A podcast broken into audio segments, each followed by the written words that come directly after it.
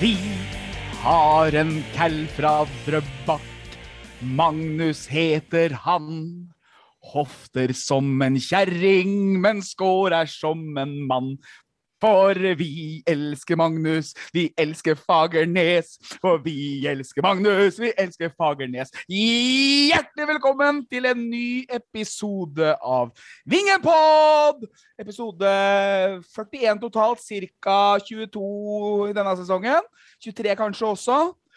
Og vi setter eh, live over til studio I dag skal jeg begynne med Studio 79 i Ski. Hei, Kristian. Hallo, Gjermund. Du var jo en ekstremt rørt mann på søndag. Har du kommet deg?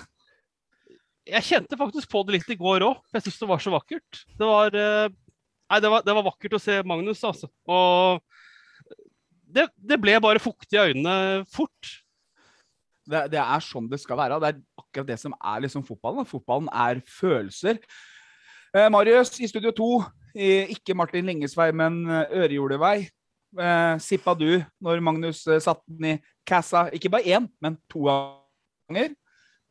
Jeg fikk veldig gåsehud på førstemålet. Og, ja, og så kom tårene i øyekroken på mål nummer to. Da var det vakkert det er liksom sånn skrevet i stein, eller er det ikke det det heter, Jan Erik? Når det er noe, noe som, er bare, som vi drømmer om skal skje, som plutselig bare skjer? Er det skrevet i stein det heter?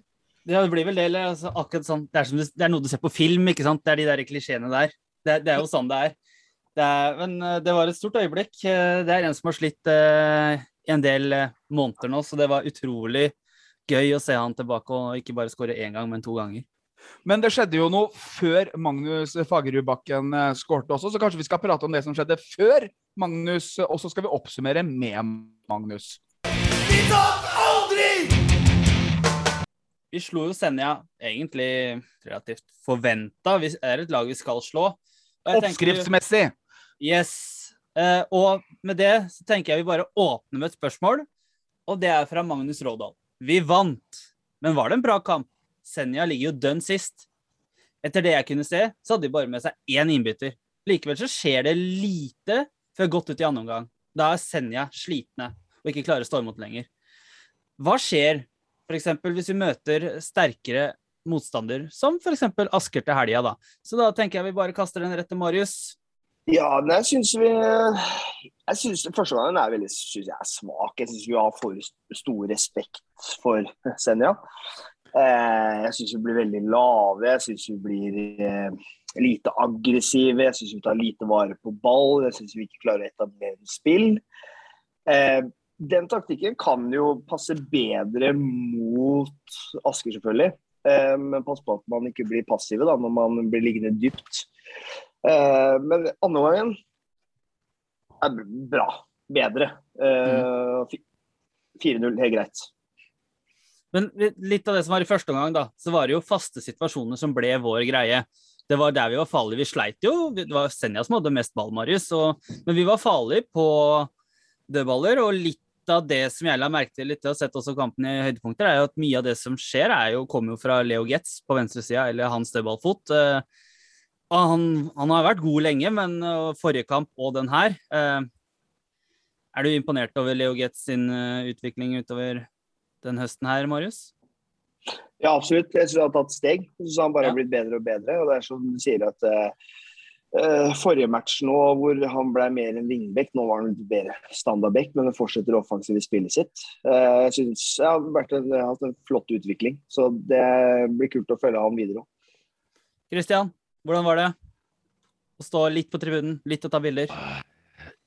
Jeg syns førsteomgangen minte meg veldig om Holmen for de som husker den kampen. Uh, da var jo også sånn Holmen var jo da desidert sist. Var, nå var det bare 2018? 2017. 2017.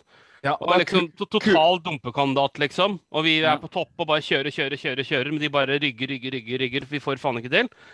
Og jeg tenkte litt sånn hvorfor slipper vi oss så langt ned? Hvorfor lar vi Senja egentlig Senja kunne fort ha fått et lite flaksemål der, fordi man ikke følger med. Men jo, vi, vi, vi tar inn i andre omgang, vi gjør det. Men det er ikke noe fantastisk fotballkamp sånn all over. Det syns jeg ikke. Det er OK, men det er ikke Ja. noe sånn halleluja. Uh, uh, Hjelm, jeg Mm. tenker, vi har et spørsmål til, vi. Det er fra Daniel Raja, Si- nei, Srikant Raja. Jeg tror jeg klarte å si det riktig der. Nei, det var nesten. Nesten, ja. Ok, Men han spør etter Myhre tok over, så har vi mye bedre resultater og noe bedre spill. Skal Myhre krediteres for mye av dette, eller skal vi si oss f.eks. heldige med det røde kortet eh, i vår favør og svak motstander? Eller er det kanskje berømte den der nye trenerperioden som kanskje ikke alltid gir suksess, men veldig ofte gir en ekstra boost? eh. Har du noe tenker du om det spørsmålet der, Hjelm? Er det, er det et godt spørsmål? Det er et meget godt spørsmål, og det er jo litt sånn uvisst å vite om det er noe myreeffekt eller hva det er.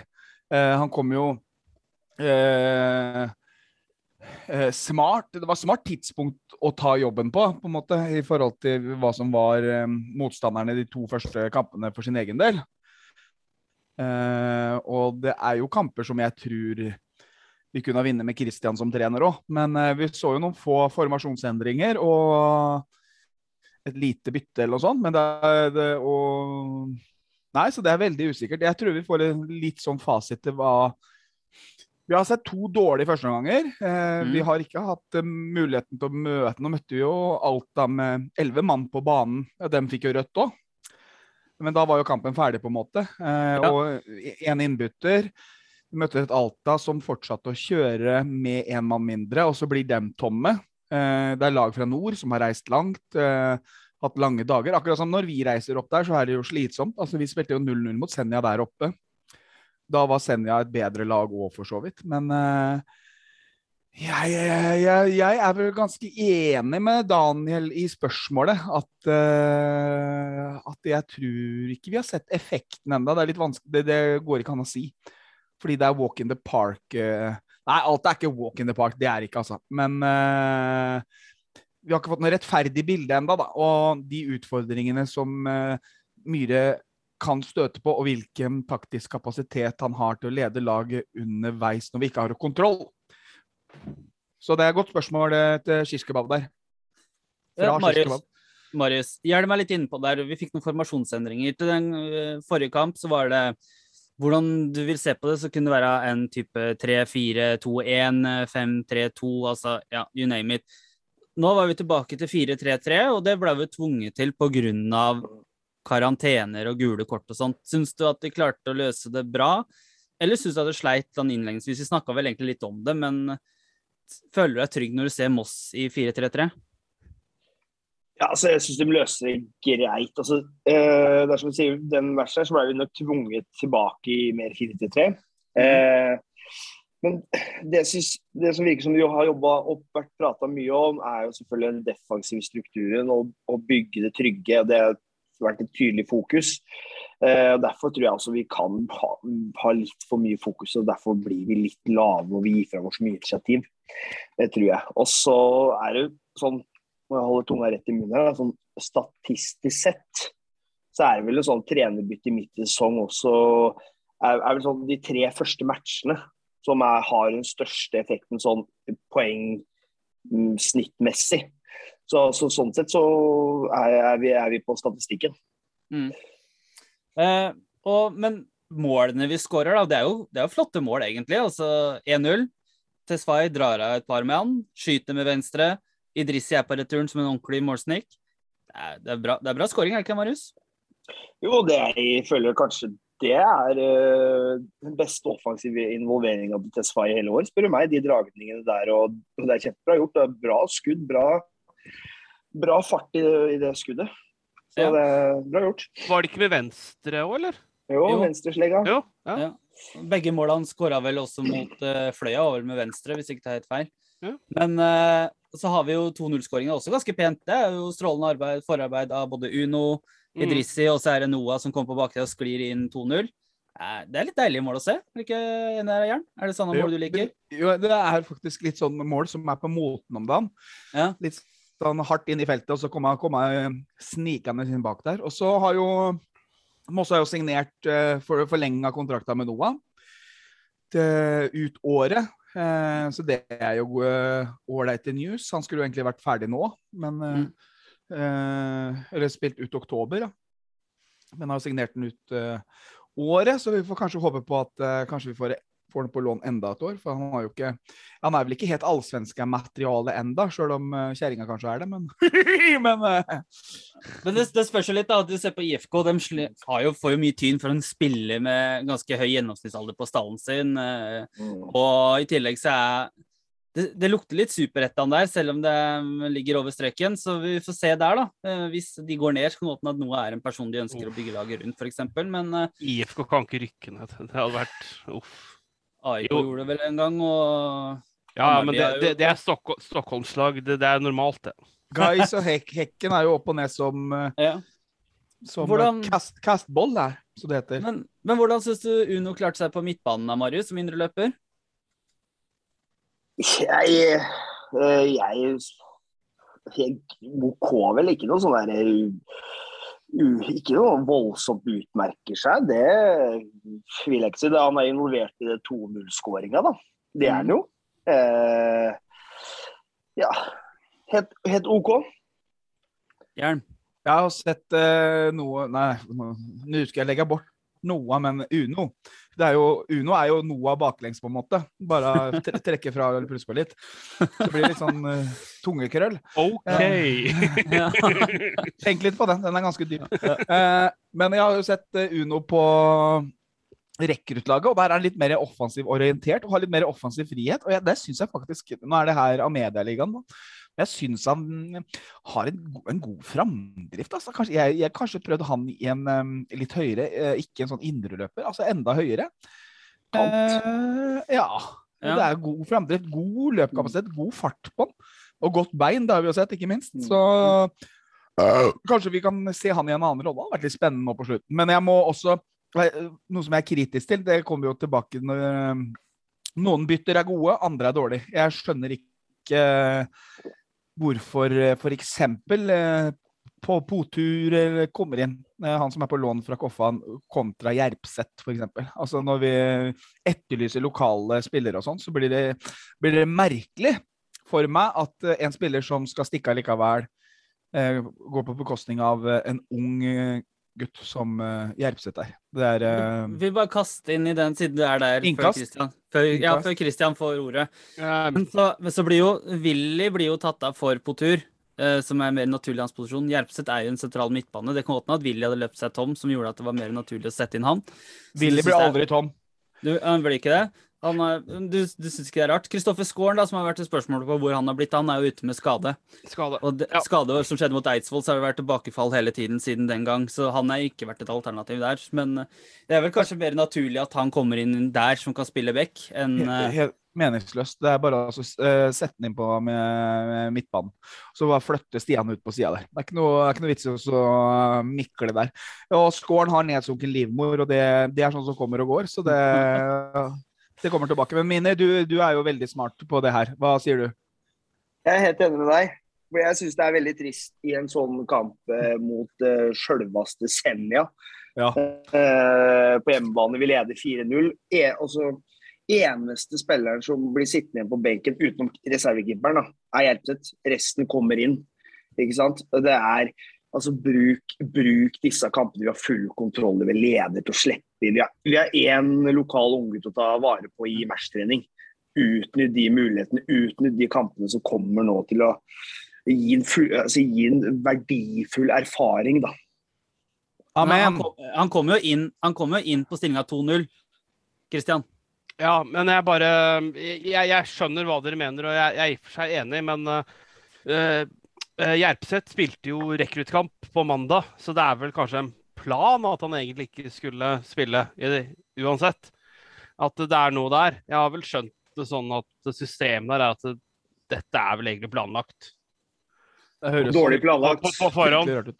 Svakt planlagt. Altså, det er greit at han skal spille rekkekamp dagen etterpå og spille 90 minutter her og skal være briljere der, men men altså, Han kunne fint ha fått altså, et kvarter, ikke sant? Kvarter 20 minutter for Tesfaye eller Klausen eller, altså, Ja. eller Uno. Når Uno går ut, da, for i alle dager kommer ikke han altså, Det er masse muligheter å bytte den og bruke den på.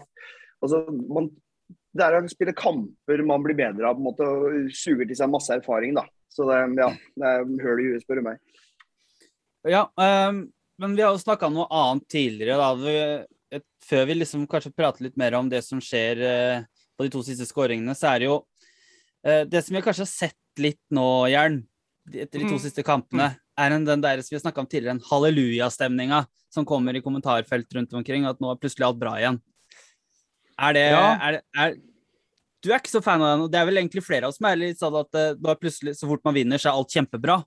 Og så, Ja. ja, så glemmer man alt at vi, er ikke friskmeldte friskmeldt ennå. Det er ikke sånn at vi rykker opp neste år fordi at vi vinner to kamper nå. Det er litt der eh, Bare for å dra det inn før du prater, da, så prata jeg med en fyr på, ute i går, som jeg møtte på gata. Han spurte liksom ja, hvordan går det med Moss?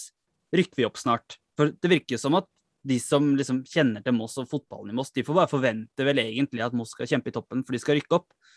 For det er jo litt sånn når vi var i førstedivisjon også, så snakka man om at Moss skulle opp igjen, selv om man kanskje ikke var i nærheten. Så, men uh, Jern, hallelujastemninga. Ja, først, aller først så skal jeg bare svare på Christian. Altså det, om det er noen plan det, om det innbyttet på rekruttkampen. Både Potur og Bam Carlos spilte også rekruttkamp, så det er ikke noe godt argument. Når det kommer til hallelujastemninga, så er det en slags skummel eh, Det var ikke meninga å være slem mot deg, altså, Christian. Du er en veldig flott fyr. Det er jeg Eh, vant til. Det går helt fint. Mm, eh, og tusen takk for gaven, forresten. Jeg fikk jo en eh, ny hjelm i 35-årsgave. Jubileumshjelm. Mm. Nei, Fra, fra, fra alle oss i Vingenpod, bare så det er sagt. Å. Og vi skal selvfølgelig legge ut et bilde av dette på sos våre sosiale mediekanaler. Mm, og så kan du, så kan du f.eks. gi litt, eh, gi litt til spleisen. Vi har utvida den sånn, som en sånn, på en måte litt sånn bursdagsgave. Ja. Nei, når det kommer til hallelujastemninga, så er det en slags form for likegyldighet, føler jeg. Fordi at det er ikke noe dybde i det. Vi har slått eh, det, er, det er bedre at det kommer selvfølgelig litt sånn eh, At det kommer masse positivt. fordi at det, positivitet forsterker jo mm, seire, og det er det vi lever av. Er jo, eller ikke vi lever jo ikke av det. Vi lever jo av normale, kjipe jobber. Men eh, det må være noe mer bak i den konteksten av, av bare å vinne 4-0 mot et røkapølselag som Senja er, og slått eh, ti mann fra reindriftskontinentet. Så det er, eh, det er bedre det, at det er litt god stemning og ikke dritt, men eh, det må ikke gi en altså sånn falsk, fal, falsk trygghet. Det er det som er litt skummelt. Eh, Fordi at det er ikke Når vi ser til ramma rundt, når vi ser til det eh, så er det masse sår igjen å lege. Det er eh, Ja, nei, det er eh, når, Og tidlig da kommer liksom 1070 tilskuere i Råde idrettspark. Det, de har fått inn 410 kroner per mål.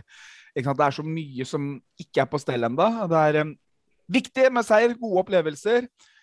Men produktet er uh, langt fra bra nok enda. Og eh, ja, vi er ganske trygge. Florø har et sinnssykt lett program igjen. Eh, med litt tur der så har de full pott, og vi må fokusere som juling. Det er ikke noe over før The Fat Lady eller Fat Little Brother blåser eller synger. Så det Nei. Eh, nøytral hallelujastemning er greit. Eh, bakkekontakt, husk det. Det er viktig. Det gjelder for alle, er det viktig. Og du nevnte litt det der med at Råde trakk så og så mange, og så er det Lars Nikolai Kjøllingstad som har et spørsmål til oss. Og det er som følger hvordan i helsike kan Moss kalle seg en fotballby når MFK Skrev en helsike. Ja, i heiteste, da. Ja. Eh, En fotballby når MFK ikke drar mer interesse enn dette. Full åpning burde betydd over 1000 tilskuere. Er du enig i det, Hjelm? Burde betydd over 1000 tilskuere, full fest og masse folk? Eller er det Nei, det er, eh, jeg er enig med Lars at det burde vi ha forventa, men eh, produktet i seg sjøl og prestasjonen over litt lang tid mm, har ikke Det har ikke frista folk nok. Eh, det er kanskje ikke nødvendigvis den derre 50-lappen som er avgjørende for folk. eh, og så hjelper det jo ikke på at det var meldt regn. Det er jo aldri pluss, det, og det er kaldt. Men det er, Produktet Moss Fotball har vel ikke trigga den der tilhørigheten og den klubbfølelsen da, den, til den som er sånn halvveis og litt borte. Det er eh, Nei, det, er ikke, det har ikke vært nok, rett og slett. Og det er eh, Så det Jeg hadde håpa selvfølgelig på mye mer, og det er jo som ADHD sa, han Han eh, håna jo prosjektet 50-lappen, og så kom sa jeg til henne at Men eh, du må ikke si det så høyt, for det er Jan Erik sitt initiativ. Å, produktet er jo i seg sjøl ganske godt levert, da! Da ble han eh, tatt på senga, den der eh, Det er, det, er så typisk han. ri- Rista det litt i det der bitte, bitte, bitte lille huet hans. Altså, det, var, det var faktisk en av høydepunktene. ADHD har faktisk stått for ganske mange høydepunkter de siste 15 åra, altså. På, Ja. på Men, men Jern, vi preika litt om det sist. Vi har blitt sånn preikeving. Du Ja. hadde litt sånn, du hadde en del, du hadde litt syklubb på søndag. Ja, det er fordi at dere ikke synger når jeg drar i gang. Så da gidder jeg Jeg orker ikke å drive oss og passe på dere. Dere er faen meg 70 minutter med syklubb. Preika jo i ett kjør, jo.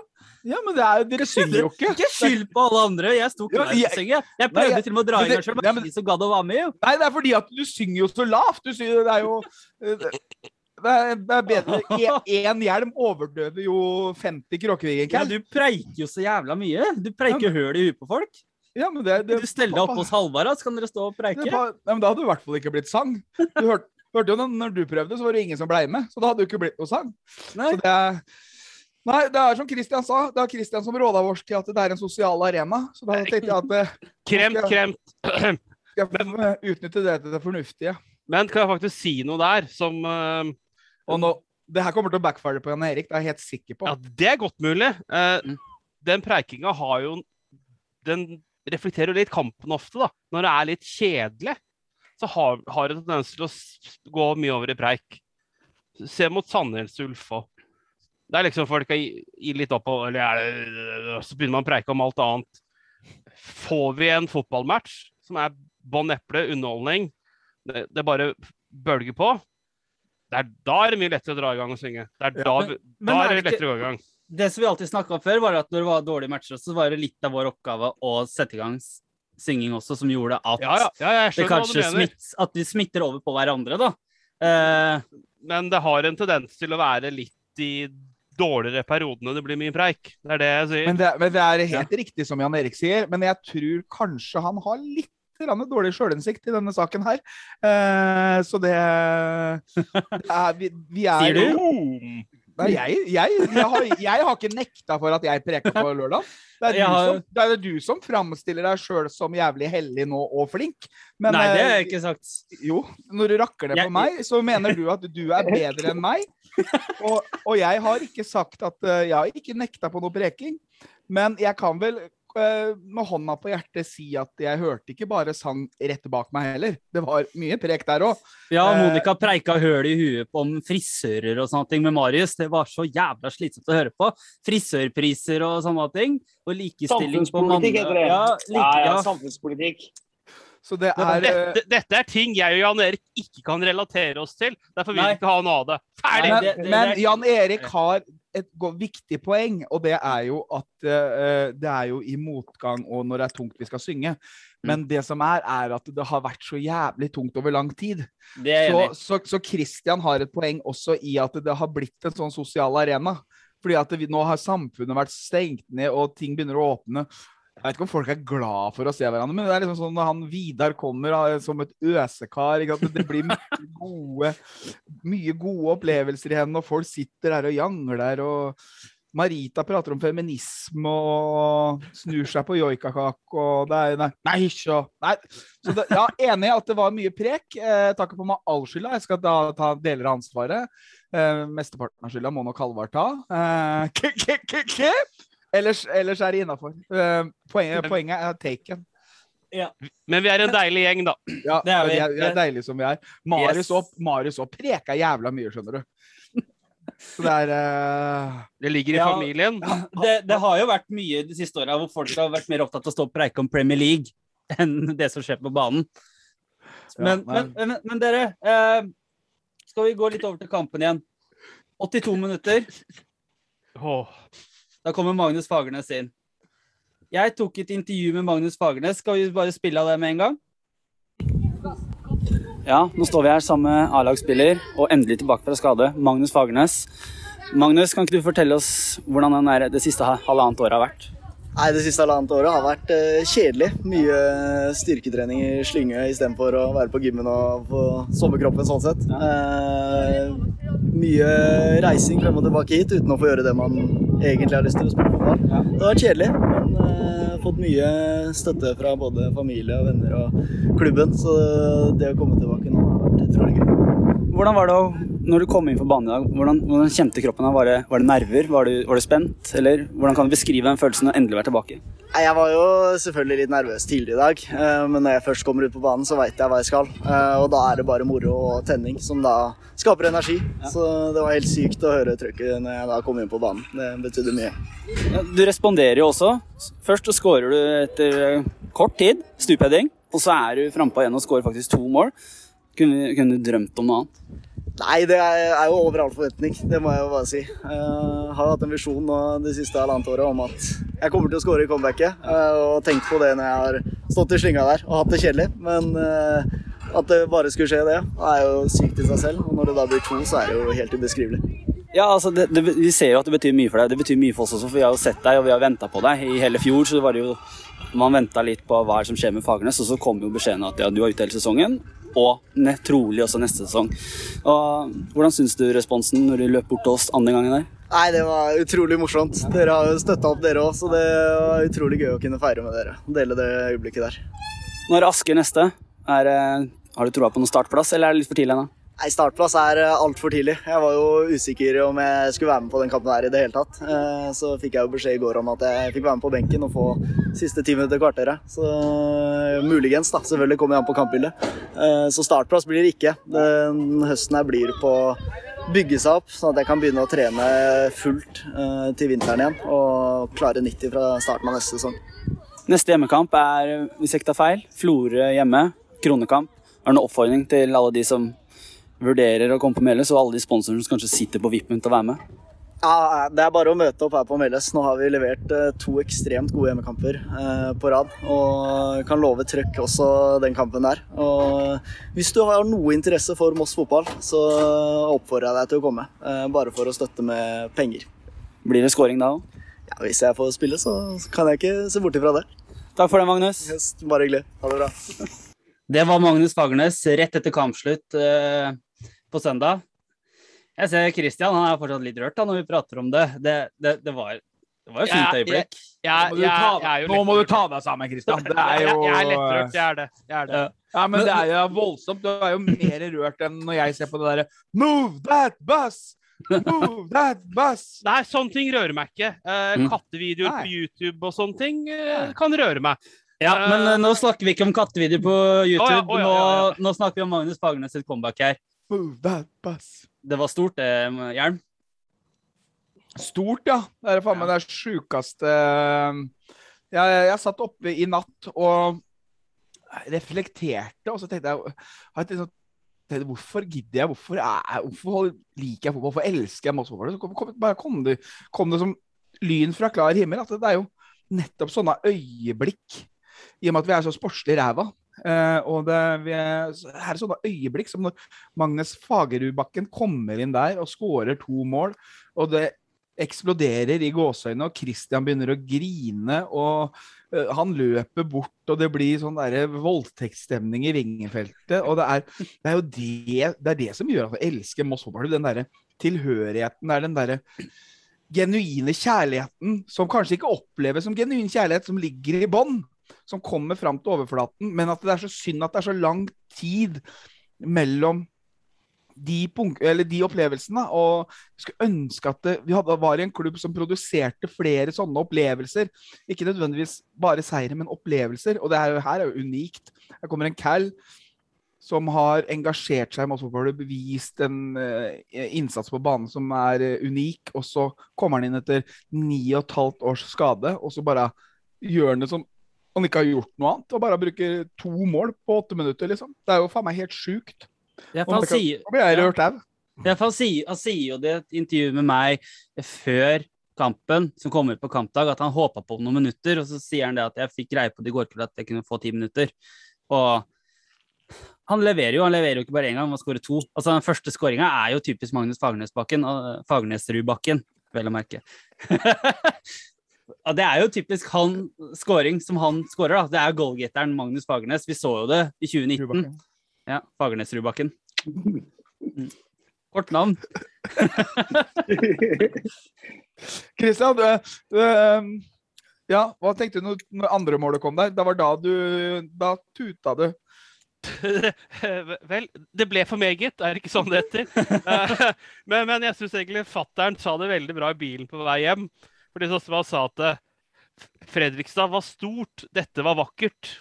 Ja, det var veldig fint. Mm. Det må du si til pappa eiendoms... Nei, er regnskapsfører. Pappa regnskapsfører. At det var veldig vakkert. Vet du hva? Det der, det der, det der skal du det, Du skal ta bilde av Fagerudbakken der, og så skal du legge på teksten til faren din oppå det. Og så skal du legge det ut. Og så må du skrive eh, sitat eh, eh, Regnskapsfører, pappa. Pappa. pappa. Fatter'n til Assad Jorge. pappa, pappa ski. ja. Nei, det, det, det var fint, det. det. Jeg må si det. Det var, det var stort. Det var utrolig gøy liksom, når han løp mot oss også på 2-0-skåringa. Du fikk noen bilder da, Christian? Ikke Ja 2-0-skåringa, 4-0. Ja, 4-0 med hans ja, andre andre målet skåring. hans. var det. Ja, andre målet hans. Andre Og så er målet sånn vi, det er sånn vi teller nå, ja. Altså Moss Ja. Det er to- altså, det er 2-0 pluss 2-0, ja. OK. Greit. Ja. Mm. Marius? Ja, det som er litt kult på det første målet, er jo du ser på en måte gleden i, hos alle kalla. da. Du ser jo til og med Ranmark er jo opp, er der oppe og jubler sammen med Ja. resten, liksom. Du ser eh, ja, altså, hvor altså, Du ser samholdet, da. Og du ser mm. suksessen de unner hverandre, de som er der. Og det er jo Det er vakkert. Ja, Den kollektive gleden. Ja. Ja. Og, og den første som jubla for den skåringen, var jo Thomas Klemetsrud, som er én meter bak. og Hadde Fagernes ikke truffet den, så hadde Klemetsrud satt den. Men han jubler. og Det synes det var helt nydelig å se. Det, det er en god kompis som er glad på dine vegne. Det, det, var, det var et stort øyeblikk. Det var et flott øyeblikk. Du så kidsa etter kamp, eh, ville ha selfie med Magnus. Eh, nei, du så hvor mye det betydde for fysioen, familien, oss. Nei, det var et stort øyeblikk, som Hjelm sier. Vi får ikke nok av dem. Uh, men vet du hva? Jeg gleder meg til flere slike øyeblikk på Meløs, uh, eller på bortebanen for den saks skyld. Jeg tenker vi bare kjører videre inn mot neste match, jeg.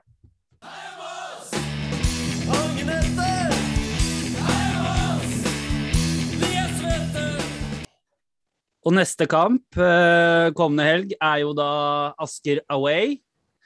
Eh, Asker jager kvalik. Og når eh, tidligere i dag, eller så tidligere tirsdag, så har de eh, slått Tromsdalen eh, 3-2. Marius, eh, det var jo et lag vi fikk juling av på Meløs. Hvis vi stiller f.eks. er tilbake i en 3-5-2, 5-3-2, 5-2-3-1, har vi større sjanse for å klare oss nå? For et bedre resultat, heter det vel. Ja, for jeg syns vi har vært bedre defensivt de siste matchene. For at selv om vi på en måte både Alta og Senja på en måte har eh, hatt mest ball og, eh, og vi har blitt veldig lave, så har vi på en måte ikke skapt all verdens.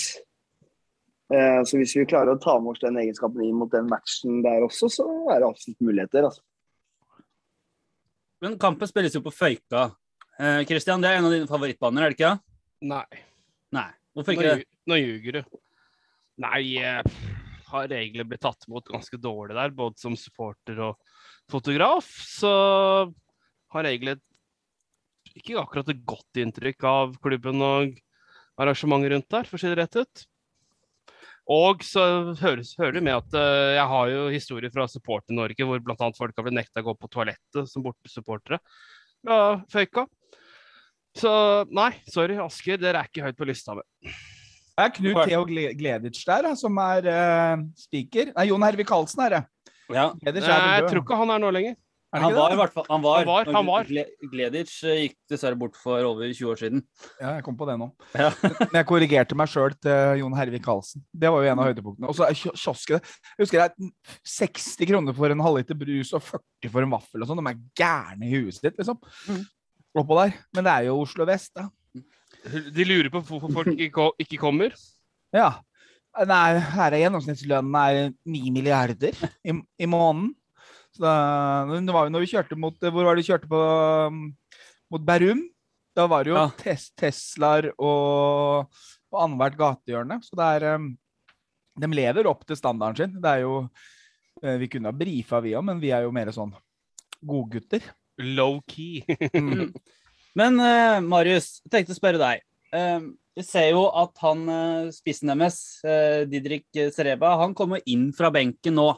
Har de spart den mot Moss, eller tror du? Eller hva, hva som har skjedd der? Jeg ser jo også de rutinerte gutta som Kim André Madsen og Lars Fure sitter på benken. Er det noe Jeg vet i hvert fall til, jeg vet, Tidligere så har, det, har Madsen slitt litt med, med skader. Eh, Nedsunket livmor, han òg, faktisk. Ja, eh, jeg, Og så tenker jeg litt Det er, det er for dem også vært et tett kampprogram også, så det er um, Det er nok for å spare litt på spillet. De har jo en OK bredde i troppen som gjør at de også kan spare litt. Så jeg vet Madsen og Lars Bure har også slitt litt med, med skader, i hvert fall tidligere i sesongen. da. Ja, og så har de jo både han Selina og Kastrati også tilgjengelig hvis de skal trenge det. Så det, er- det er stemmer det. De har den gjengen der, dem, ja. ja, og de, de, har, de har jo altså de har to ganger Kastrati. De har jo, de har jo et rutinert andredivisjonslag, og de går vel opp på kvalik, eller går opp i ryggen på Hødd med seier mot oss. Gjør de ikke det, Marius? Eller Ja, det er vel tre poeng mellom, er det ikke det? Jeg er litt usikker på målforskjellen, men det er vel tre poeng som skiller dem. det er tre poeng som er skiller dem. Ja, altså det er jo en, det er en erfaren Det begynner jo å bli en veldig erfaren og rutinert spillertropp, selv om det er variasjon i alder. da. Så er det Ja. veldig mange spillere der som har mange kamper i andre divisjon nå. og har, er liksom vant til å være topplag. De røk jo kvaliken i fjor mot Stjørdal bl.a. Og de fleste er vel med der enda utenom eh, Sivert Strangstad. Eh, så er vel stort sett eh, laget ganske likt. Ja, og så har jo de mist, mista han beste midtbanespilleren deres, da, utenom Sivert, eh, Jørgen Solvang Nilsen til Moss. da. Han spiller jo Ja, her. det, utenom de to, så er vel ja. laget Så de mista sentrallinja si, det er midt på Asker der. Ja. Yes. Men uh, det var Ja. dem som hadde han svenske keeperen med hårbånd, det. Som jeg prata med, var det ikke det? Ja, det, var ikke det, det, det må ha vært eh, Bærum eller sånt på hjemmebane. For det er vel Vegard Pedersen og Gard Thomas som står, uh, står her. Ikke, ikke rist på huet, akkurat som du veit det, Christian.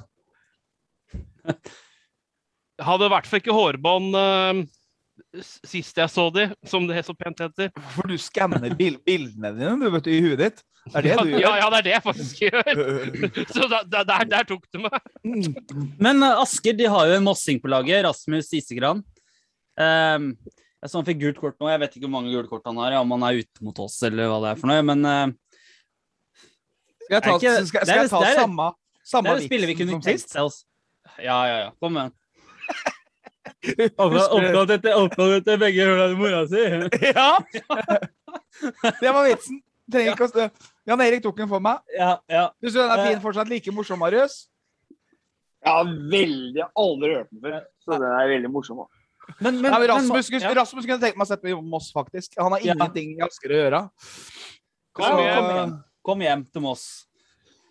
Det kan jo hende at han ender opp i sprintåret, da, for alt vi veit. Men, men dere, hva kan vi forvente oss av våre egne caller, da? Det ryktes om at vi er tilbake med en Trebekslinje mot Asker, tror du det kan være Tror du det kan være nøkkelen, Jern, for å få med seg et godt resultat fra Føyka?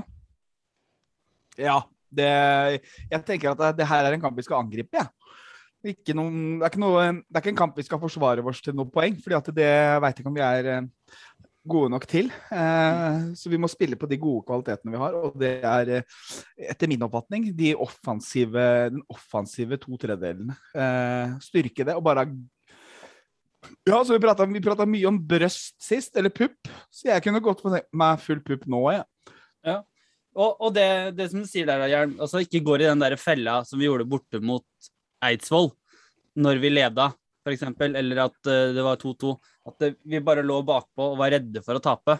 irriterer meg enda, faktisk, det der Eidsvoll-greiene. For det er en kamp vi har full kontroll. Og Eidsvoll er i utgangspunktet altså, ikke noe dårligere hjemmelag enn Asker i hele tatt. Eh, og vi var på spillemessig, spillemessig på høyde der. Og, men så er det er, det er liksom ikke noe, det er ikke noe å gnåle med lenger. Altså, vi har så mange matchballer i forhold til Florø. Eh, så det, jeg mener at bare slipp dere litt løs, eh, luft pungene, og så bare kjør på. da. Bli bedre. Legg planer for neste år. Eh, ja, tenk neste år nå. Men, men vi har jo, det er, vi er jo litt, vi har noen spillere som står i faresonen da, for eventuelt en karantener da, inn mot Florø-matchen, som også er viktig. da. Ikke ta unødvendig risiko. Trodar er i so- faresonen, Willy er i faresonen, Stian er i faresonen, Klausen er i faresonen, og Tesfaye er i faresonen. Det er fem keller da, som jeg kom på i farta, som er i faresonen. Vi kan ikke risikere å mm, miste to-tre call inn mot den Florø-matchen. Vi kan gjerne miste to av dem, men det Ja, men, men, men ok, men, men det ja. tror jeg skjer. Det, det kan fort skje. Jeg tror det skjer. har, vi, har vi råd til å tape Tape et par caller, Marius? Nei, i utgangspunktet ikke, men det er veldig vanskelig å tenke på i, i, en- i, kamp. da. Det er når Ja, ja. spiller. Det er, hvis, men hvis vi, fordi- worst case scenario, da, Marius. Hvis vi mister både Trodar og Stian, da, så Mm. står du der med én stopper. Da er du avhengig av at G plutselig er kjempeklar for å spille når han bare har vært akkurat tilbake i trening nå, liksom.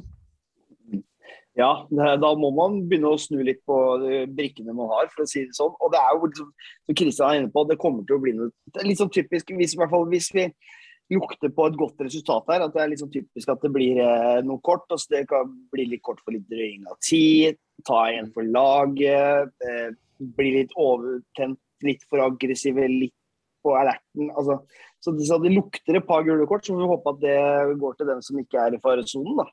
Ja. Så nei, altså, ja. jeg Det er, det er, litt, det er litt skummelt, da, inn mot en sånn viktig kamp mot Florø, at det, vi kan ikke ofre altfor mye når det gjelder akkurat det der. Og så, så får vi se, da. Men uh, rapportene, i hvert fall har vi hørt at det er tilbake til en trevektslinje, og det er jo du veldig glad for, Marius. Eh, yep. men, men igjen, da. Uh, hvis vi vinner der inne, så har jo f.eks. Martin Dahl har jo et spørsmål, da. Eh, Han la merke til nå, ja, etter de to systemekampene, så har ikke hovedtrener vært med å ta Vågen etter kamp. Og det er jo noe hovedtreneren i Moss som regel har pleid å være med. Syns du det er rart, Kristian? Christian? Tja Kanskje han ikke vet. Eh, men ja, nei, jeg syns jo det har alltid vært veldig hyggelig at treneren på en måte bjuder på inn mot fans på den måten. Mm. En veldig sånn enkel greie, men alle er på en måte med og jubler. Eh, hater jo vårs. Det er jo det er, kan hende kan, kan hende at den ikke har rytme til Vågen. Det er jo Vågen er for alle, det er det jeg har å si om den saken. Vågen er for alle. Men eh, ja, OK. Bare litt sånn kjapt da, mens vi er inne på spillere osv. Vi nevnte jo en Florø-match, eh, blant annet, som kommer etter der igjen. Men Eddie Lyshaug har jo et spørsmål til oss. Når vi nevner eh, Du nevnte at du hadde lyst til å ha Rasmus Isegran tilbake til Moss, da. Er det en liten eh, status på spillestallen, da? Hvilke spillere utgjør stammen i laget? Kontrakt, ikke lån. Blir Myhre permanent løsning på trenersiden neste år? Um, og vi har vel en del spillere på utkommende kontrakt, har vi ikke det, Marius? Jo, eh, nå er, det er som sagt det er ikke så lett å finne den oversikten. Og der man kan finne det på nett, er vel ikke sånn 100 troverdig. Eh, men det forsvinner jo en Hvor mange er vi har på kontrakt? Er det en seks-syv spillere? Ja, det er vel- Ja, det er vel Klausen, Ja. Solvang Nilsen, Getz, eh, Trodar, eh, og så er det vel Willy. Rojas, Rojas. som vi lurte litt på. Ja, og så er det vel eh, Sebastian Pedersen og Klausen. Så er- har du sagt. Sju. Ja, okay, ja. to ganger, sa du. Ja, det er det, det er det jeg kommer på i farta. Eh, og, og så er jeg ja, jeg er litt usikker på enkelte spillere, for det er litt vanskelig å finne, som sagt. Og Uno, tror jeg, også har det. Og Ja. så, Ja. Fire på lån. jeg syns det er skummelt. ja. Mm. Mm. For det er kontinuiteten som vi har prata om hvem, er, tidligere. hvem er det som er på lån? Tesfay? Randmark? Tesfai, Randmark. Uh, Idrissi og Potur. og Potur. Det er vel de fire, er det ikke det? Ja, det? Noah, sa vi han? Ja, Noah. Nei, Noah. Fem, da. Noah, fem, da. fem, ja. Fem, fem på lån. Og Så- fem nei, ja. Ja, så vet vi ikke hva som skjer da. Så, så Fagernes har utgående kontrakt. Eh, Jeg regner med at eh, jeg får håpe, håper at han blir. Han har, jeg føler at han har fremtid der. Jeg vet ikke hva som skjer med Idrissi i Strømmen, om hvor lang kontrakt han har der. Hvis Strømmen går ned, skal han spille, være med å spille dem opp, eller osv. osv. Christian? Sånn jeg tenker, da. Mm. Alle på lån må vi tenke forsvinner. Hvis Ja. noen blir, så er det en bonus. Jeg er Helt enig, helt, helt enig, Christian. Og mye av utgangspunktet der er jo bosituasjonen. Og Ikke sant? Det rent, bo, det rent praktiske daglige. ja, Ja. ah, um, eh, alle bor i Oslo. eh, og du tjener ikke fett på å spille i Moss fotballklubb, så hvorfor skal du Og da tar det mye tid med pendling, og jeg Mm. får eh, lite penger og tillegg til studier. Men uh, Mamadou Njay og Kidane, dem har to år, eller? Nei, jeg, tror det- bare, jeg tror det bare er ett år, de også. Ja, men Ja. de, de må med. De må Ja. med. Ja. Så vet jeg ikke, Det kan være noe at de har opsjon på et eller annet, for alt vi veit. Men av de spillerne som er i dagens tropp, er vel eh, Danny, og så er det vel Lagesen, Uno, Trodar og Tesfay. Og Klemetsen, Jacobsen og Klausen. Det er vel de Også, og så- og så Klemetsen er vel, Klemetsen er vel på utgående. Ja, men også, også Jerpseth. Det er vel de spillerne som faktisk bor i Moss i tillegg. Ja, sånn, ja. Ja. Så det er Men det. Du sa Klemetsen Jacobsen, er det en ny som vi har signert nå? jeg, nå? jeg endra om til Klemetsrud. Ja, ok, det er han, ja. Ja, ja. Apropos Klemetsrud, han eh, ble jo skada, han, og henta ambulanse etter kampen mot Senja. Mm. Det var jo dramatisk. Håper det går bra med han. Eh, har, du noe, har du noe, hørt noe mer der? Han ble jo kjørt til eh, Kalnes sykehus etter en tur på legevakta. Har du noe status på han, eh, eh, Rino Tue? Han eh, ble jo sendt hjem på morgenen og fikk, visste ikke helt ennå, men hadde litt problemer nede på venstre side og ble sinnssykt dårlig. Men han må ta det ro i noen dager, da. Så vi får se om han er klar for kamp på Føyka, eller om han blir spart. Eh, vi får se. Eh, jeg, vet, jeg er litt usikker på sta situasjonen til Kidane også. Om han fortsatt er ute med skade. Skåren er ute med skade, som kunne eventuelt spilt i den posisjonen. Så Pedersen er, Pedersen er tilbake. Uno, Uno Pedersen kan spille den for dem. Men, så har du jo, du har jo Bam Carlos, da, som uh, leverte en god kamp nå på rekruttlaget, som kanskje blir en Som har fart i beina, som kan være med å kontre på Føyka, f.eks. Så Men det var to artige situasjoner i forbindelse med denne ambulansen. Da. Det var jo uh, ene er på sosiale mediene til Moss fotballklubb. Når, eh, de står og synger 'Kællan inne i garderoben'. Ja, vi kan ha det galgenhumor. Altså, det er ikke galgenhumor engang. Det går an å ha det artig som det er tøft. Og det var jo når Klemetsrud ligger der som et slakt og er dårlig inne i garderoben, og så synger de 'Kælla det, kælla det'. Og ligger han og klapp, klapper tapper i kælen. Og så når ambu ambulansen kommer, så er det jo Stian Jahl som tar dem imot, og så sier de 'jøss, er det ikke deg vi skal hente denne gangen'? han har de jo henta seks-sju ganger de siste Ja, han bare Men deg kjenner jeg jo, sier han. Det er, eh, Men så var det jo kjendiser på Meles. Det var litt artig. Han der godeste sønnen til far sin, han uh, Pereira junior, var der. Adrian. Og da gikk jo ungene banana så til de grader. Og fikk autografer og spurte hvor mye han tjente, og spurte hvor mye han hadde på Fifa. Sånn. Så det, han er jo bestevenn til eh, Klemetsrud, da. Så det var jo Ja. litt artig med fotballstjerner på Melhus òg. Så han var klar kanskje for en utenlandsavtale. Vi prøvde å forhandle vårt. Da ønsker vi han velkommen på Meløs i 2022. Ja. Velkommen skal Ja. du være. Velkommen skal du være. 2022. Mm. Men eh, skal vi gå rett over på tippe resultat, eller på den her eh, Asker-kampen? Da bare kaster jeg den bare rett til Mini, jeg. Vær så god. Vi tar med oss ett poeng. 1-1.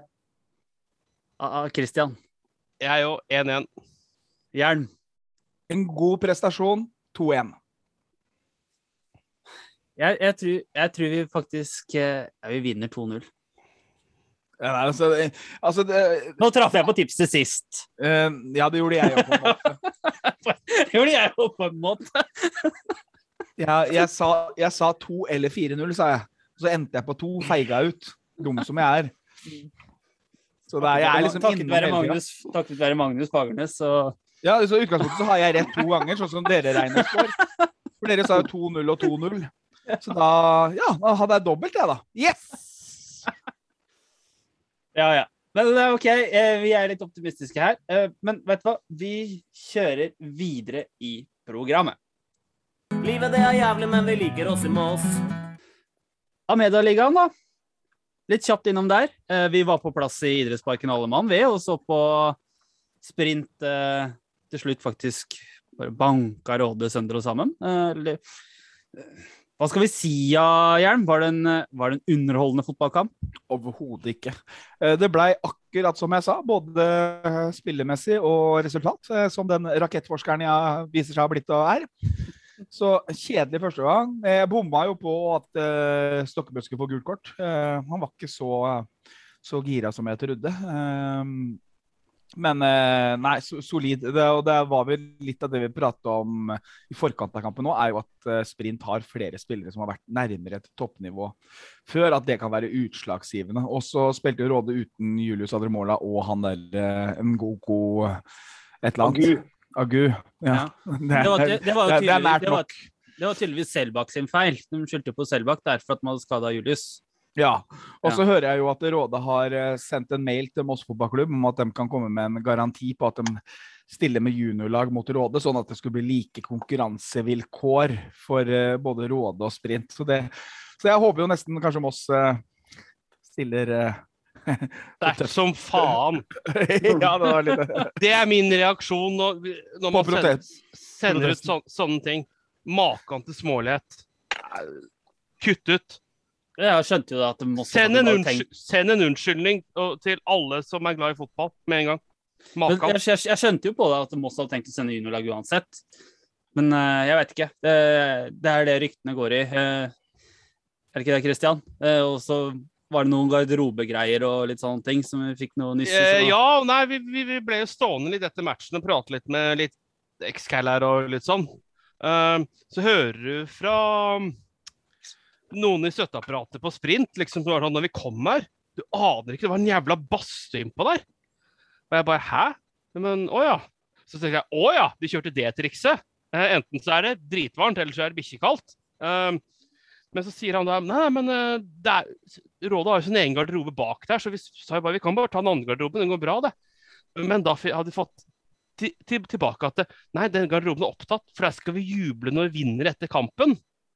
Og altså, her må Real Råde, nå må du bare kutte ut.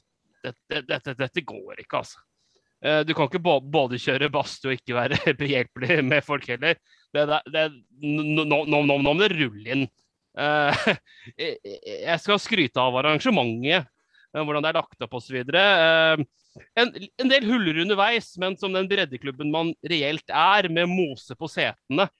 eh, så De sa de hadde vaska, vaska setene. Det, det Nei, nei det, had, det har man ikke når det gror mose på dem. Beklager, det har man ikke. Eh, men eh, man delte ut sitteunderlag, og det var veld, veldig behagelig. Så hjertelig takk for det. Det var veldig hyggelig òg, sånn sett. Det kommer godt med. Så tusen takk for det rådet. Men skjerpings med i garderobene. Det, det, kutt ut. Det der er bedre enn dette her. Jeg må skryte, skryte arrangementet. Det var, eh, var det, det var masse personlige fotballpersonligheter her. Så det var litt deilig å gå litt og preke litt. Og det var mye, så masse Mosse-supportere som plutselig hadde fått seg Han hadde fått hadde sprintskjerf og Han har jo Herulf-skjerf òg, han. Ja, han Hockeyskjerf er- Han er glad i Moss, han. Ja, han glad i Moss. Det er, det er sånn flere skulle vært. Og nei, så, fikk jeg sitte litt sammen med Strømmen-trener Ole Martin Nesselquist og prata om ja, damer og fotball og medisinstudier og Nei, det var ordentlig koselig å sitte og jatte med Ole Martin Nesselquist. Jeg håper han eh, Han har vel fylt Hvor gammel har han blitt nå? 19? 18? Ja, Det går ned. akkurat, at han akkurat blitt myndig, har han ikke? Jo, han, han, ja, det har han stemme, for han fikk ikke stemme nå ved stortingsvalget. Så han gleda seg til neste neste gang han kunne stemme. Nei, så det var mye Nei, det var, mye, det var et godt Ja, arrangement. Og far og sønn Krølle har jo gjort, seg, gjort en knalljobb. Og de hadde involvert hele A-laget til å ha ringerunde på mandag. Altså, det begynte, det Kronekammerprosjektet, på mandag, og innen lørdag det kommet, så hadde han fått inn 412 kroner. Så at dugnaden i Råde er eh, Og anlegg og sånn er jo det, at det jobbes godt. Og det er mye å lære der. Det er det ingen, ingen tvil om. Og så går det jo på arrangementbiten har de litt å gå på, men klart, det her er jo noe de gjør én gang hvert kvartal. Og så er det jo eh, Men om å ha to store altså sånn Proffdrømmen og fotballarrangement òg, da. Så fikk vi stå Fikk vi den æren av å hjelpe dem med innmarsjen. Da. Så det var jo hyggelig. Og det er hyggelig å bli involvert og spurt og inkludert. Eh, Det kan også noen andre klubber eh, lære av. Et lite stikk der, altså. Vel, det var jo liksom sånn Det var jo god stemning sånn før match. Vi sto og prata med folk. Sånn. Men jeg følte liksom alle som hadde hatt eh, huet sitt i avisa i et kvarter i løpet av livet sitt, måtte innom det der studioet til Moss Avis. Det var liksom alle som kom opp der, ble bare dratt inn. Du skal inn her. Du ble dratt inn, og så plutselig jeg stelte meg med ryggen til i håp om å ikke, så kom bare kameramannen. Du skal inn der. Kjempehåp. Nei, å, nei, ikke ta, nei, ikke ta meg her! Nei. Nei. Og, du, du, og jeg, når jeg sto der inne, så kommer du bare tar tak i Ole Martin. Du skal inn der! Ja, ja, jeg visste- Du bare geleida folk inn, liksom. Ja, For alle skulle jo inn der. Ja. Så det var jo sånn det var, det. Ja. Så Nei, nei, det- var jo artig, det. Godt arrangement. Tu- 1070 tilskuere, var det det det var? Ja, noe Ja Du må Ja, regne med alt av støtteapparat og alt, da. Fordi at eh, den sittepuben i rådet tar 800 tilskuere, og den var jo ikke full. Ja, da er det det var jo ikke full. Vi, vi satt det- ytterst. Det var jo bra med plasser der. Ja, men det sto mange oppå høyden der også. Så det er Høyden? kan, ja, ja, bak setene. Der, hvis, der du blei hanka inn av Mossavisa, sto det jo en del folk rundt klubbhuet eller spikerbua. Og så satt jo folk på vippen. Er jo 100. Der satt Willy og Lagesen og Uno. Ja. Den, Ja, der satt jo Moskalla. mm. Ja.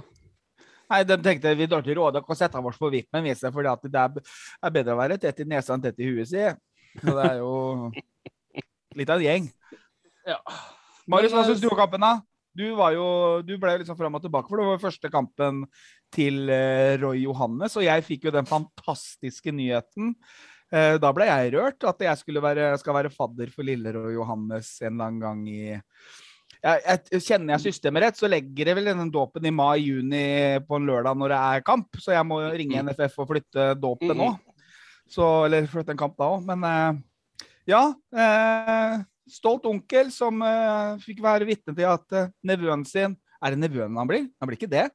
Jo. Jo, Din nevø. Din nevø. Ja, min nevø, ja ja. Uh, Bevitna sin første fotballkamp i Råde idrettspark. Det, det skal jeg mobbe ham for, faktisk. Eh, hva tenker du om det? Hva tenker du om det valget?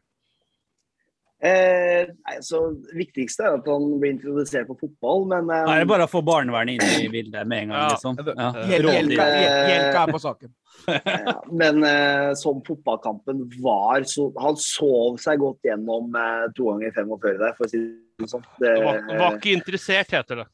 Nei, var ikke interessert. Det var vel en eh, litt sånn typisk toppmatch hvor det var to lag som var redd for å tape, føler jeg. Eh, Jeg lurer på om han Nathan Sansara er, er han i slekt med han eh, Hva het han i Kjelsås? Han Mathisen? Han Stig Mathisen, husker du han? Treneren. Mm. Altså, Drill- jeg- Drillefotball. Extreme. eh, Fordi han- han Sansara han hadde vel kun dælja på ett touch, Hver bidige gang han fikk ballen. Jeg fikk, eh, når jeg sto midt på tribunen her, så fikk jeg nesten litt whiplash på, for det var mye, mye ett touch-spill fra begge lag. Det var, gikk fram og tilbake. Men igjen, da, kampen. Jeg, jeg følte Sprint hadde kontroll. altså eh, de, de, de nøytraliserte Råde ganske greit. Råde hadde skuddet med Vasenius. Eh, hvis vi tar Mm. måla, da. 1-0-målet er jo klassemål.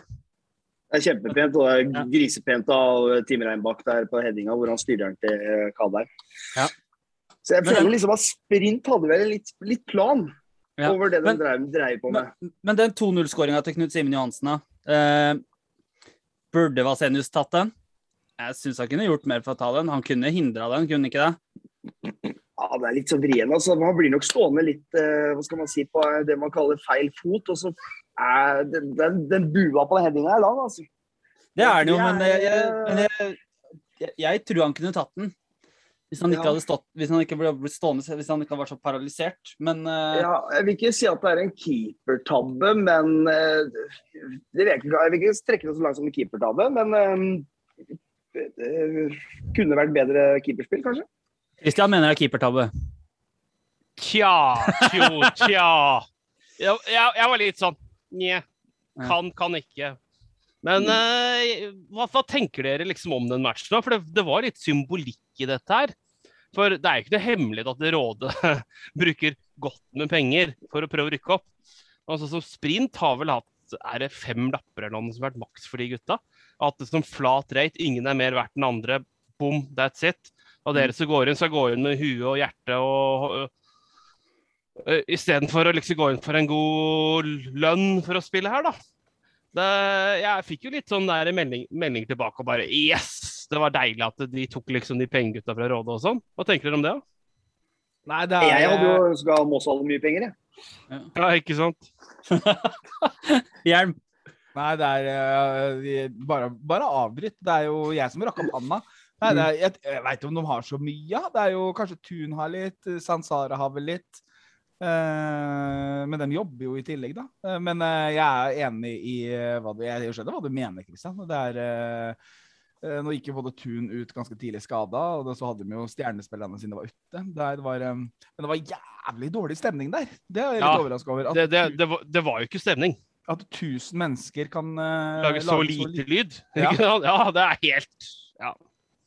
Marius? Noe, noe av den minst skuffende stemning altså, Det var- skulle ikke være noe stemning på tribuna, det var vi egentlig som forventa. Men det som skuffa meg egentlig mest med den kampen, det var jo fyringa på banen.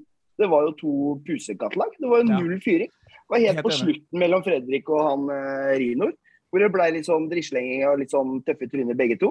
Det var helt på slutten. At det ikke Mm. smalt og ikke var noe null temperatur. Det var fryktelig merkelig å se. Først og fremst det er et toppoppgjør, og det er naboer. At det var så snille mot hverandre. Det syns jeg var eh, synes Men blir ikke det blir ikke litt typisk sånn bredda når det er helt knusk stille på tribunen, liksom?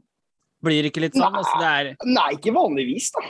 Det smeller godt i bredden Ja. ellers. Sto- Stok- Stokkebø, tribunen. Stokkebø var jo framme med saksa i første omgang, og overraskende han traff jo ballen. så da ble det jo det ble ikke noe kort, men uh...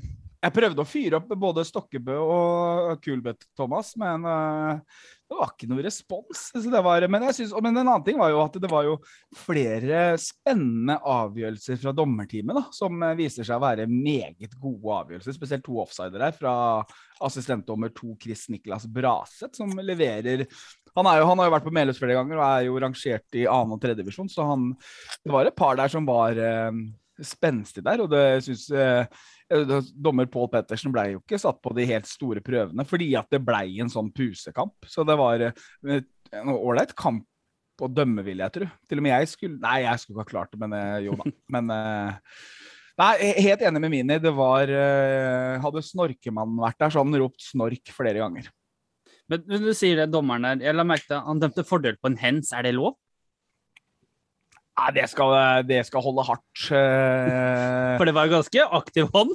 Ja, ja, det var eh, Der bør han i hvert fall gå tilbake og gi gult kort, kanskje, fordi at det var jo rein usportslig. Det var jo rein sabotasje. Så det er jo men så blei det jo en opplagt skåringssjanse, da, så du har vel kanskje hjemmel for å I utgangspunktet så dømmer du ikke fordel på hens, men eh, jeg tenker at Pål Pettersen tok den eh, på en god eh, rutine. Og, og så var det en rutinert veileder der i Erna Hartvigsen. Jeg er bare name-dropper fordi at det er kollegaene mine som jeg tenker at han er fra Finnmark, så han lar nok det. Den så jeg ikke.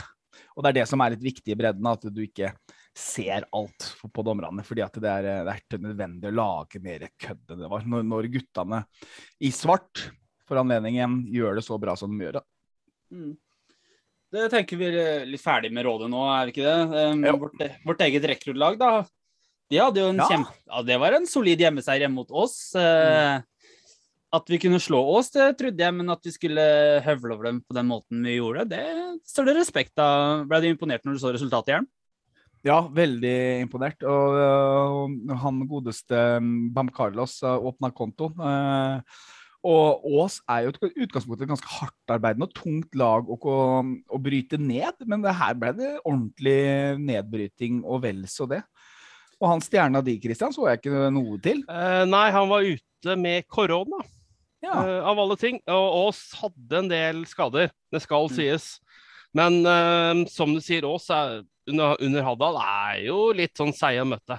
Mm. Det er det. Og du så det litt på de òg, at eh, for Moss tok jo ledelsen, så kom Moss tilbake. Og så begynner det å rakne litt og sl- slite litt på bein osv. Men eh, det, var- det var en del mann ute på oss, men solid, solid, solid resultat. Uh, Mm. bra, bra gjennomført. Ja. Uh, og god kollektiv innsats, det syns jeg. Og god balanse. God Ja. balanse av øh, uetablert og etablert. Ja, fordi at det, det, den eh, I første omgang der så er det to identiske skåringer til Moss, egentlig. Det er Mm. eh, Potur og Mo som slår en stikker i bakrom diagonalt på Bam Carlos, som demper ballen på brystet, skjærer inn og skyter den i lengste. Uh, og Bam Carlos løper fra hele det der uh, oss-forsvaret der. Ja, og, ja, og utover andre omgang så bare liksom røyner det på, liksom. Det er uh, han Urbak, eller hva han heter for noe, også Gashi og han Nicolay Skau som også kommer på målet. For, får, opp. målkontoen, ja, og så får, får en skåring hver. Og så er det Bam Carlo som får sitt hat trick da, på overtid på en straffe. Så alt i alt, eh, bra kamp av de, og nå ligger de på en sjetteplass. Jeg hadde ikke hatt ja, og hadde ikke hatt det derre u- unødvendige tapet hjemme mot Lisleby, så hadde de vel de vel lukta opp på en sånn pallplass her, altså. Topp fire, topp fem. Er, er vi litt positivt overraska over rekruttlaget vårt, eller? Jern? Jeg er veldig positiv. Eh, Veldig overraska. Jeg hadde eh, Nå har, nå har Jeg syns de har valgt en lur strategi. eh, og litt sånn som Mini forutså, eh, i forhold til eh, bruke de beste der det er mulig å ta poeng, og så eh, liksom hvile eh, hvile de beste, antatt beste da, A-lagsspillerne. Sånn at eh, de unggutta får kjenne på Litt sånn vi gjorde med Sprint, rent juniorlag, som leverte meget god, spesielt andre omgang. Så veldig fornuftig bruk av rekruttspillerne, altså. Det må jeg si. Ja. Og, vi har jo et spørsmål fra Martin Dahl, som er i forbindelse med rekruttlaget. Han sier at rekruttlaget imponerer med mange spennende unggutter. Hvem kan være aktuelle for å ta steget opp? Eh, altså hvilke unge er aktuelle til å hospitere med A-laget, og kanskje ende opp med mer spilletid neste år. Hva tenker du, Hjelm, etter å ha sett dem et par kamper nå? Er det noen som, har, som har utmerka seg litt på dette rekruttlaget? Jeg syns han derre Nikolai Skau syns jeg virker spennende. Han er kanskje litt, litt uh... Ja, hvis han tar, tar noen timer på spenst, Ja. Uh, så, så, så jeg synes, han syns jeg det er mye fotball i. uh, så han kan være litt spennende. Han er 16 år, da, i vokseperioden der, liksom. Skal man være Ja, litt det forsiktig med bare det? Nei, kreatin og gulrotjuice. Det Å pumpe lite grann. Altså, det er 16 år, herregud. Jeg spilte jo Fifa da jeg var 16. Jeg vokste, jeg òg. Men uh, han, har han eh, Gashi mm, levert greit i år? For han var jo Guardian? Ja, Lo, Ja. Lor, Laurent, er ikke han heter? Jo. Han har, vært, han har vel vært litt uh, opp og ned. Jeg tror Jeg, jeg skal ikke si helt uh, Men jeg tror den første matchen han var med, var mot sprint, som jeg kan huske, i hvert fall. Uh, jeg husker ikke helt i farta. Kanskje Kråkerøy og Jeg skal ikke si jeg har ikke sett alle bortekampene til sprint, nei, til Moss 2. Mm, Så jeg er litt usikker. Men ja, eh, han. Og så Han bør, hatt- han bør ligge kanskje i skorpa, for han var jo med Ja. på treningskamp mot Kjelsås ja, før sesongstart ja, ja, og så har du Melby. Han har vært god. Han var veldig god mot sprint. Er det sønnen til far si? Jeg tror det. Og så var det han eh, som var kaptein mot sprint, han Vanvik heter han vel til etternavn, og stopper Beck. Ledertype. Han er vel bare 15-16 år også, som kan være spennende, da. Så har du Kasper, da. Hjelpseth. Mm. Som sagt, eh, han er en elegant midtbanespiller, men han, jeg syns han gjør litt dumme valg. Eh, Ja, han, tre, liksom- han trenger litt mer rutine. ja, i siste tredjedelen av fasen. Ja, At han kanskje må Kanskje tapt seg litt fra der han var i starten av sesongen. At han kanskje ikke er for høy på seg sjøl, men at det, det har gått litt fort. Så kanskje han må roe ned og ta litt enklere valg i framover i banen, da. Kanskje trenger noen utfordringer, kanskje? Kanskje noen Kanskje. utfordringer? Kanskje det, men eh, ja, nei, jeg, jeg tror nok altså slippe ballen riktig, da, er vel det som er kanskje det jeg prøver å si her. Så nei, det, det er mye spennende der. Men når vi er innom fjerde divisjon og bredden her, eh, gutta. Man, han, eh, Martin Dahl spør jo hvordan er utsiktene for et klubbsamarbeid i lokalfotball om dagen? Marius, du som er trener i en lokal breddeklubb.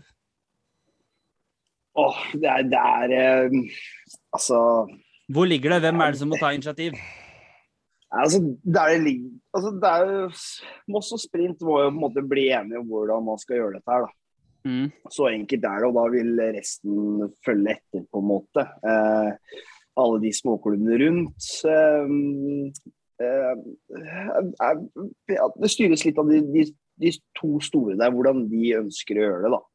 Ja. Eh, ellers så er jo det er jo sonesamarbeid på tvers av klubbene som fungerer eh, sånn tålelig greit, i hvert fall. Eh, nå er ikke jeg involvert i det, men det inntrykket jeg har der, at det fungerer greit. Um, ellers så er det vel um, Ja, nei, det, vi er vel nok eh, der vi egentlig har alltid vært, tror jeg. Kanskje et steg nærmere, men fortsatt langt unna noe.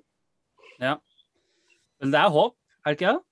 Jo, selvfølgelig er det håp. Det er å prate sammen og ha respekt for hverandre og litt sånne ting. Så det er um, Ja. Når Det er jo litt sånn når eh, klubber på i hvert fall yngre samme nivå da henter spillere fra hverandre og sånne ting, så blir, blir nok litt eh, blir nok litt tullete. Så nei, litt respekt for hverandre og kommunikasjon vil nok løse ganske mye det. Men eh, nå hopper vi litt over på en sånn annen type breddefotball. Eh, jeg så ikke kampen sjøl, men det var jo en landskamp i går, da. Og det, Twitter har jo kokt med mye sutring på f.eks. Eh, bølgen. At den gikk sju ganger eh, rundt, med, rundt stadion. Eh, folk var eh, misfornøyde fordi at folk ikke fulgte med på kampen. Du har liksom Før kamp så står landslaget i det der Human Rights on and off the pitch, og så har du kanskje vår største stjerne som står og trener opp etter skade i en Buca Juniors-drakt med Qatar Airways på. Og så er det Men det har jo vært litt sånn snakk om før, da, Hjelm, du som har vært litt rundt landslaget. Det har jo blitt et sånn familielandskap. Man legger opp til at det er unger og korps og sånt. Mens du ser Husker du sa det sjøl når du var nede i Ungarn, når vi tapte playoffen den gangen. Så husker jeg du tok et sånt bilde og filma etter kampen. Bare NFF, se og lær hvordan man skaper stemning på landskamp. Klarer man det i Norge? Det, Nå er det jo sånn at eh, jeg boikotter jo eh, det- dette her, så jeg nå, nå, takk, takk, Men jeg kan ta på generell, generell, Ja, det er det, jeg- det er det jeg er ute etter. Det er ingen her som har sett landskampen, tydeligvis. Så, men bare ut fra men det er, Twitter og det er litt sånn um, Jean-Eric eh, Rino eh, Det er jo et produkt de ikke Det er litt likt Moss fotballklubb. Det er et eh, totalprodukt de ikke klarer oss å eh, lytte til og håndtere. Så det blir liksom sånn at de må gi bort masse billetter til idrettslag og sånn. Og da Ja. Da blir det litt sånn, men samtidig så skal du jo ikke drive og ekskludere idrettslag og unger og sånn. Men eh, vi får aldri muligheten til oss å Du får jo det Altså NSA-feltet og Oljeberget-feltet blir jo mindre og mindre. Mm. Eh, Fordi at vi blir pressa opp i et hjørne, så du får liksom ikke helt den der kultur Du har ikke noe kultur, da. Og så hvis du, unger og korps og sånn kan være ålreit. Se på England, da. Men der er det en kultur i bånn, ikke sant? Mm. Eh, her er det jo fritt spillerom for vaskebrett og trompet og vikinghjelmer og gud hjelpe meg. Heie Norge, heie Norge. Alle, alle, alle. Og det blir liksom sånn derre Det blir litt sånn derre party pooper killer eh, shit for meg, altså. Så det er eh, Du legger merke Altså, du legger ikke til rette for at kulturen kan utvikle seg, da. Fordi du Mm. skal ivareta de gode Og det er nok en sånn vanskelig balansegang, for du skal ivareta de gode eh, verdiene. Så det Nei, så er det jo opp til hver enkelt da, hva som er ålreit og ikke ålreit. Så det er eh, Ja, for det er jo ikke alle som elsker eh, bluss og vil være kledd i nøytralt, liksom. Folk det er enkelte som liker å gå i drakt og skjerf og som du sier, og syns bølgen er kult, men bølgen er jo elska og hata, da. Altså, Ja. når jeg var liten, husker den derre Men det er litt sånn ski over det, liksom. Ja, for det er jo noe som det er vel noe som ble skapt av Coca-Cola opp mot eh, 86-VM, var det ikke noe sånt? da? Det er det Ja, de det er I, I? Mexico, ja. Ja, det, det, det sies det at det er da, og- eller at det starta fordi at publikum kjeda seg på kamp. ikke sant? Må ta den bølgen. Altså, det, er, er, ja, det er mye forskjellig. Men jeg husker jo, vi tok jo bølgen på Meløs også i 97 mot uh, når det var Norge-Tyskland, det derre EM for kvinner. Og jeg syntes Ja. det var gøy da, som åtteåring. ikke sant? Ja, nå vi, vi, vi må jo så må vi skille på hvilken våg som er våg. Vågen her er jo den derre som går rundt og rundt, og ikke seiersvågen. Seiersvågen er jo noe helt annet. Mm. Uh, men altså Det er en jævlig vanskelig balansegang, ikke sant. Det er jo eh, Men NFF må jo ta på en måte litt standpunkt, for det er på en måte litt for lite til å være rom for begge to, tror jeg. Ja. Uh, så sant ikke den eh, La oss kalle, det, kalle den ultra, ultrafiseringa ikke får større plass. Den må, den må ha den største plassen hvis du er opptatt av å ha tilnærma stemning som klubblaga. Mm. Så dem må ha den største plassen. Altså, de må ha flest billetter. Og Ja. så kan ungene og Altså, det må rokeres på, eller snus om på. Unger og korps og strikkemødre kan få hjørnene, og så kan resten av eh, folka få eh, dem som vil noe, eh, for, Mm. for å utvikle en kultur. Og så vil det ta flere år. Og da kan du risikere at det er tomme felt og sånn, men sånn får det bare være hvis du vil oppnå noe, da. Men det du sier der, da, Jern, det er vel litt også kanskje det at det er vel mange som har prøvd å skape litt stemning og sånt på landskamper. Man har prøvd å få til en viss supporterkultur rundt landslaget også, men Ja. så har man kanskje møtt motstand hele veien, da. Ja. Eh, Så man blir litt sånn lei, og så ser man det som er liksom stikk motsatt av hva man ønsker sjøl. Men jeg tror nok, som du sier, at man må finne, den, finne balansegangen, men man må åpne for å ha en dialog da, med de som ønsker å lage liv. For man ønsker vel at det skal være skummelt å komme til Det skal være tøft å spille på Ullevål mot Norge på hjemmebane. Det skal ikke være sånn at eh, Nei, du kan, du kan jo gå, gå, gå på YouTube, eksempel. Når, eh, når Tyrkia hadde uh, fått utestengelse, så la Uefa Fifa opp til at uh, de kunne få lov, få lov å slippe inn bare kvinner og barn. Mm. Og, det, og med god organisering der, så var det bare kvinner og barn. Og det blei jævlig tøft. Uh, Ja. Men det var jo Helt jævlig å jævlig å høre høre på. Det var helt jævlig å høre på. Ja. Men det var, altså du organiserer det på en annen måte. Men der ligger kultur fra fedre i bånn. Det, det er jo ikke i nærheten av den kulturen her. Men eh, det har, når du prater om NSA og sånn, som jeg er medlem av, så er det jo altså Det dabber av. De store supporterklubbene, sånn som LSK, RBK, Vålerenga, de gjør ikke sin entré. fordi at det, det er ikke det er, altså, i, det er ikke stuereint i den gata å gå på landskamp da. Fordi det blir for mye sånn der plankehaugen. Ikke Ja. sant? Altså, det skal strikkes og fyrstekake og Nei, ikke tenn sånn derre fyrstikk med rødt lys, for det kan eh, Ja, ikke sant? Du skjønner hva jeg mener? Nei, Så kommer han ta- med trompeten og hele ja, pakka, liksom. ta, Ja. ned, ta ned flagget, for jeg ser ikke, og sånne ting. ikke sant? Det blir for Mm. mye av det, og det dominerer, og derfor så blir det ikke noe kultur. Kristian, du hadde hånda oppe, så vi.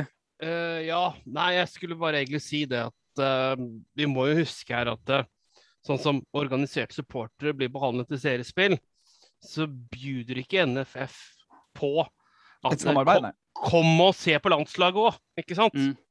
Um, og så alt fra de prisene de har satt òg, er jo mildt sagt er sånn Nja, da er du spesielt interessert. og Da Mm. får, får du også litt det, det, det, det, du, det du får om. Og det henger sammen, da.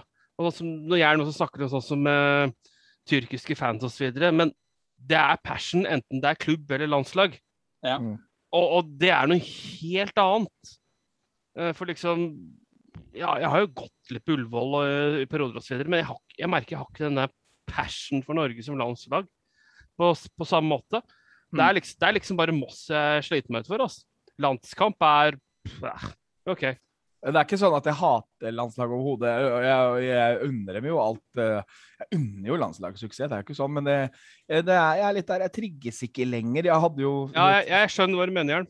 Mm. en Det jeg også. 10-13 år som jeg var på alt av landskamper òg, så det oppi alt dette med Moss fotballklubb, så det Nei, det har liksom tapt seg litt, da. Og det har, jeg tror du har et veldig godt poeng, Christian, i forhold til hva NFF inviterer til på det vi til vanligvis forholder oss til, da, og det er jo klubbfotball. Og så skal jo landslagsfotball være en sånn samlende greie. Og da kan du jo bare se til Sverige med den, den gula veggen, til eksempel.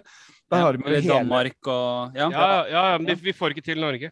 Nei, og, da, og du har den gule veggen, eksempel. Og, og, og da har du jo hele svingen er uh, ultras, altså eller syngende supportere, ikke sant. Og så, dem er jo i undertall, men dem styrer uh, den svenske arenaen. ikke sant? Står, det er dem som styrer sangen. Og så blir resten av folket med når det er Det blir litt sånn allrop, blir, men det blir en stor supporterklubb. da, klart Når 5000 står bak og synger, så klart det er trøkk. Selvfølgelig. Ja. Uh, og, og også som det er der, det er der jeg tenker at det kommer vi aldri til å få i Norge med den linja forbundet legger seg på. Mm. Og faktisk overraskende uh, så er det mange som egentlig har et liten sånn derre ja, fordi vi har bikka 30, da, ikke sant? har opplevd at Drillos og den, den, biten, som har lyst til å være uh, rundt landslaget og, og syns det er gøy fra det gammelt av, men har bare mista det pga. interessen og hvordan forbundet er organisert. Og det fikk jeg bekrefta. Jeg traff jo han som drev med disse billettene gjennom NSA osv. før. Dennis? Uh, uh, nei, jeg skal ikke nevne navnet hans, for jeg har ikke sagt jeg kan uh, Men du veit hvem det er, Hjelm. Jeg kan ta det etterpå. og han også sa at han bare orka ikke til slutt, for han syntes det var et helvete å ha med forbundet å gjøre. Og prøver å organisere supportkultur. Og da plutselig dukka også Oljeberg opp og fikk halvparten av billetten hans. Og skulle han drive med det, og så skulle liksom det. Og nå har jo faen meg lands, nei, NFF laget sin egen lille sånn landslagsklubb hvor de skal prøve å selge medlemskap og penger. Mm. Og det er sånn det, det, det, Dette her er dette her kommer ikke til å funke. Du kommer ikke til å få noen supportkultur på Ullevål sånn dette er lagt opp. Hvordan selger du penger, egentlig? Du trykker opp Haaland-kronasjer. Det er fullt mulig. men, men, men, det er jo litt interessant, da. Vi har jo både når, som Kristian sier, altså NFF prøver å få til en egen supporterklubb, pluss da Oljeberget, pluss da NSA. Da har du tre grupperinger, da. Uh, og det er jo det som Det er mange fotballeksperter, da, vel å merke, som liksom ikke forstår rundt omkring i også i Supporter-Norge, f.eks. som var i Tromsø, da, hvor det er Isberget og Forsa Tromsø, da, som er liksom sånn Det er to supporterklubber som på en måte som heier på eget lag, men som står på hver sin side og synger mot hverandre. Da. Og det er jo interessen Det er jo egentlig den derre Hva heter den, da? Burde man ikke Interessekonflikt? Ja, interessekonflikt. For at man forstår ikke Burde ikke heller vært at man står jo samla om ett lag, men så er det litt hvordan ting styres. Ja, osv. Ultras, eller om det er den mer britiske biten, f.eks., som fra gammelt av i Norge. Det er jo eh, men du kjenner jo mer til den situasjonen, eh, Hjelm, enn hva, hva, jeg gjør, med Oljeberg og ja, Oljeberg er jo eh, Oljeberg er jo eh, sånn kristen fra Menighetsfakultetet. Så det er jo en kulturkrasj bare der, selv om det er mye ålreite folk der. Blant annet Loffen og gjengen der fra, fra Heia Tufte. Så det er jo men, men, det er ikke, men det er ikke Vi er i forskjellige gater og oppfattelse av hva som er god supporterkultur og god skikk, selv om vi heier på samme lag. og så Det blir en sånn interessekonflikt, og det handler jo om sånn som er i Tromsø. Der har du liksom eh, Isberget er jo plankehaugen, altså som fyrstekake og strikking og det sosiale litt eh, er det viktigste. Og si heia TIL, heia TIL. Men, så har du andre supporterklubber som vil synge, synge, og lage liv. Og skape stemning og en, og en totalpakke. Da går vi inn i avslutningen her. Eh, jeg tenker Vi avslutter med noen spørsmål før vi går over på ti kjappe. Eh, og det er jo Daniel da, som har noen spørsmål her. Han har et spørsmål. Vi har sett eh, diktatoriske tendenser hos en aldrende hjelm. Hvis hjelmen skulle være diktator i Kråkuken, hva burde han hete? Han stemmer for Kim Hjelm Unn, men han vil gjerne høre våre tanker. F.eks. Hjelmisko Hjelmo, Hjelm Sedong, Papa Hjelm, Benito Hjelmaloni. Det er mange muligheter her. Jeg, jeg, tenker jeg kaster den videre til broren hans, jeg, Marius. Da ville jeg valgt da mafiasjefen i The Simpsons. Fat Hjelm. Visste det skulle komme noe sånn derre Fatolini eller noe sånt. Det var liksom bare jeg satt Fy faen, du er så rasshøl, ass. Sånn. Må finne deg ny, fa ny, ny fadder. har, du, har, du, noen her, Kristian? Jeg må bare gi kudos til Daniel for uh, årets spørsmål. Årets viktigste spørsmål. Uh, nei, jeg står litt mellom Papa Hjelm og, og Hjelm C. Dong. Det, det, det, er fine, det er fine. Jeg har jo kvittering på at jeg ikke bruker så mye dong, for å si det sånn. Det er eh, ikke noe Men eh, det må jo årsaken til det greiene her må jo komme fram at det er et spørsmålet kom. Det, handler, Irrelevant. det er ikke irrelevant, for det skal jeg For jeg skal ikke ha på meg at jeg er dikt, dikt, diktator, men det var jo at jeg sendte feil dagens cal. Fordi det var jo Willy Sané som blei eh, stemt til banens, eller da, dagens cal, og så hadde jeg skrevet Leo Getz fordi jeg stemte på han, og så tenkte jeg på Leo Getz. Eller jeg stemte jo Willy sjøl, men jeg hadde skrevet Leo Getz og tenkt på Leo Getz, og så blei det Leo Getz. Så Christian, du kan bare sitte og vifte med de der eh, fuglehenda dine. Det er, eh, det er viktig at den skyldige får lov å forklare seg i et eh, For det skal ikke bli ditt diktatur i dette her, eh, denne poden heller, så det må være demokrati. Du, det er det. det og det vet vi.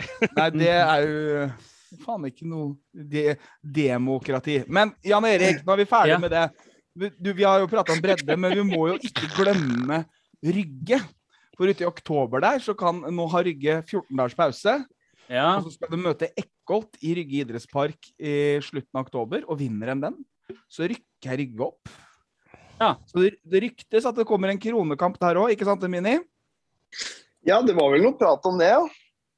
ja så får vi se hvordan det står til med planen der etter hvert. når den nærmer seg. Eckholt har vel én kamp til etter Eckholt og Rygge møtt, har møtt hverandre. Ja, men hvis, Rygge men hvis Rygge slår, Rygge slår Eckholt, så er de oppe. Ja, de har vel Ja.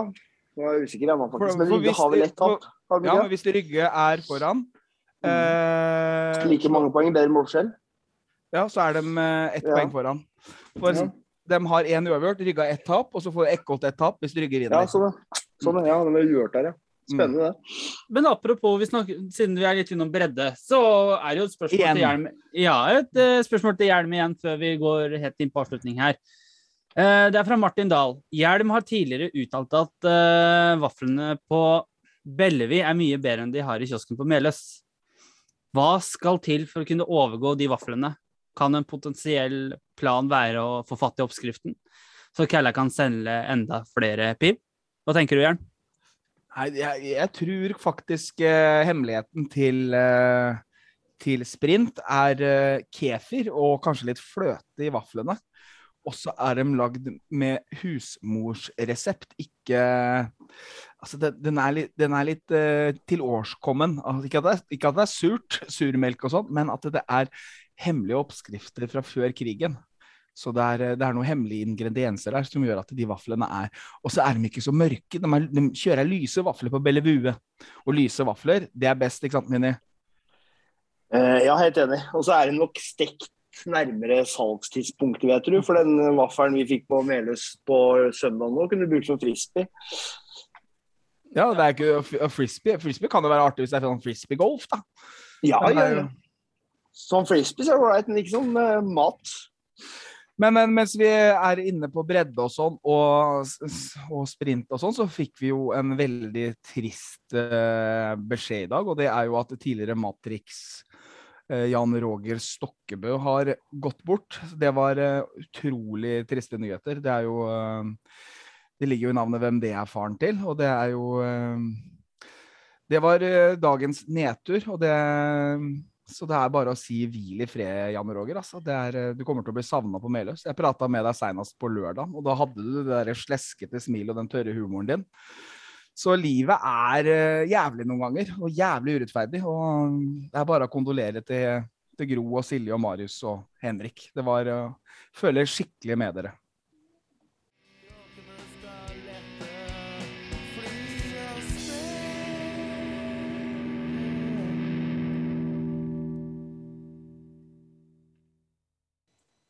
Da går vi inn i den avsluttende spalten eh, Ti kjappe. Eh, og jeg merker at jeg sliter litt med å finne på temaer framover. Altså, I det siste av Vi har jo vært gjennom ganske mye. Eh, men veit dere hva? Jeg tenkte litt sånn eh, Jeg har en fotballdraktsamling bak meg hengende her, og der er det en del forskjellige typer drakter. Så veit du hva? Dere må bare velge hvilken av disse draktene her av den fra samlinga mi. Så, så kreativ er jeg i dag. Så vet dere hva? Vi bare setter i gang.